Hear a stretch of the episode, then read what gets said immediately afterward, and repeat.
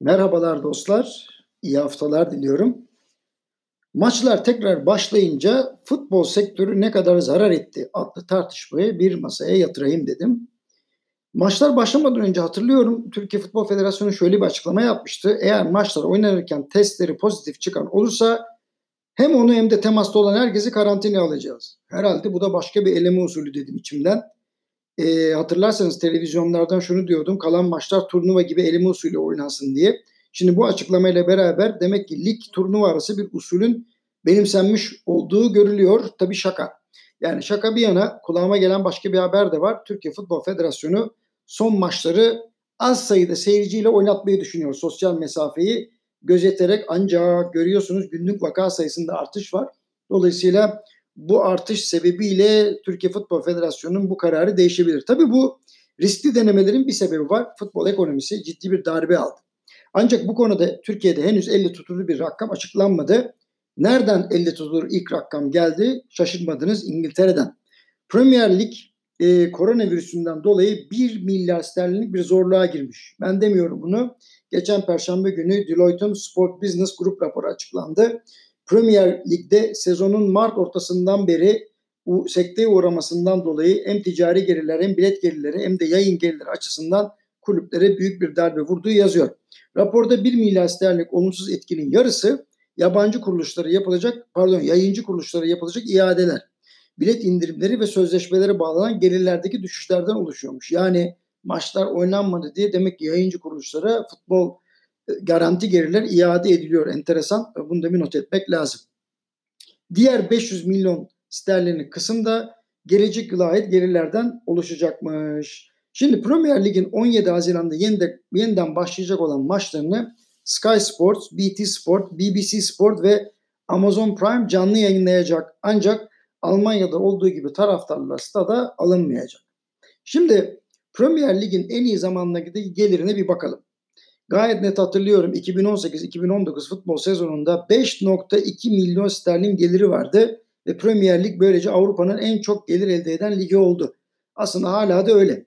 Ayrıca kulüplerin ticari gelirlerinin önemli bir kısmı başarıyla değil taraftar sayısıyla bağlanan ekonomiye e, endeksli. Bir örnek vereyim. İngiltere'nin en fazla taraftara sahip olan kulüplerinden Newcastle United'a geçenlerde Suudi Arabistan'dan 300 milyon sterlin teklif geldi.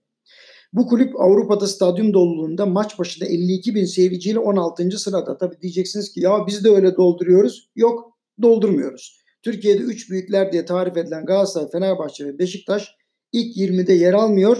Ee, sanıyorum ondan sonraki 10. sıradalar. Yani ilk 30'un içindeler. Ortalama açısından söylüyorum tabii. Türkiye'ye bakalım. Ee, gelirlere 3 büyükler diye tarif ettik ya demin işte Fenerbahçe, Galatasaray ve Beşiktaş'ı. Bu kulüplerin naklen yayın gelirlerinin toplam gelir içindeki payı yüzde 40-45. Ancak aşağıya indikçe bu oran yüzde 80'e çıkıyor. Peki bu gelirlerin sağlıklı dağılımı nasıl olmalı? Bunu da kendi kendime uydurmadım. UEFA raporlarına baktım ve Avrupa kupalarında yer alma başarısı gösteren kulüplerin gelir ortalamasının nasıl sıralandığını sizin için inceledim. Şimdi okuyorum size. Şimdi ulusal lig naklen yayın gelirin Avrupa ortalaması %37, Türk takımlarının %40'mış. Sponsorluklar Avrupa ortalaması %23, Türk takımları %40. 33 özür dilerim. Sponsorluklar %23, Türk takımları %33. Bilet satışları %15, Türk takımları %10, UEFA gelirleri %10, Türk takımları %11, ticari gelirler %8, Türk takımları %5, bir de diğer gelirler varmış o %7'ymiş e, Türk takımları yüzde bir. Aslında bu tabloya baktığımızda UEFA kupalarına katılan Türk takımları Avrupa'nın genel prensiplerinden hiç de uzakta değil. Asıl sorun aşağı sıralarda. Yani yukarıdaki tabloya baktığınızda 1-2 puan farklılık var sadece. Bir tek bizde sponsorluk geliri diğer Avrupa takımlarına göre 10 puan yukarıda. Bu da önemli bir başarı. Ee, benim gördüğüm kadarıyla bu üç büyükler hatta Trabzon'u da ekleyeyim bunun arkasına e, bu kulüpler haricinde naklen yayını geliri olmadan diğer futbol kulüplerinin bir gün bile ayakta kalması mümkün değil. Dolayısıyla maçlar şifresiz oynansın teklifi, koronavirüsünün kafelerde ve restoranlarda maçlar seyre, maç seyredenlere bulaşmasını önlemek için mantıklı bir gözükse de kabul edilmedi. Şunu da belirteyim. Daha maçlara sıra gelmeden her yerde sosyal mesafe kuralı ihlal ediliyor. İkinci dalgaya çoktan davetiye çıkardık. Yani kusura bakmasın kimse e, yani maçların kafelerde topluca seyredilmesine daha gelmeden biz zaten restoranlarda bu işin suyunu çıkardık. Neyse biz şimdi Türk futbolunun Covid-19 zararını hesaplamaya çalışalım.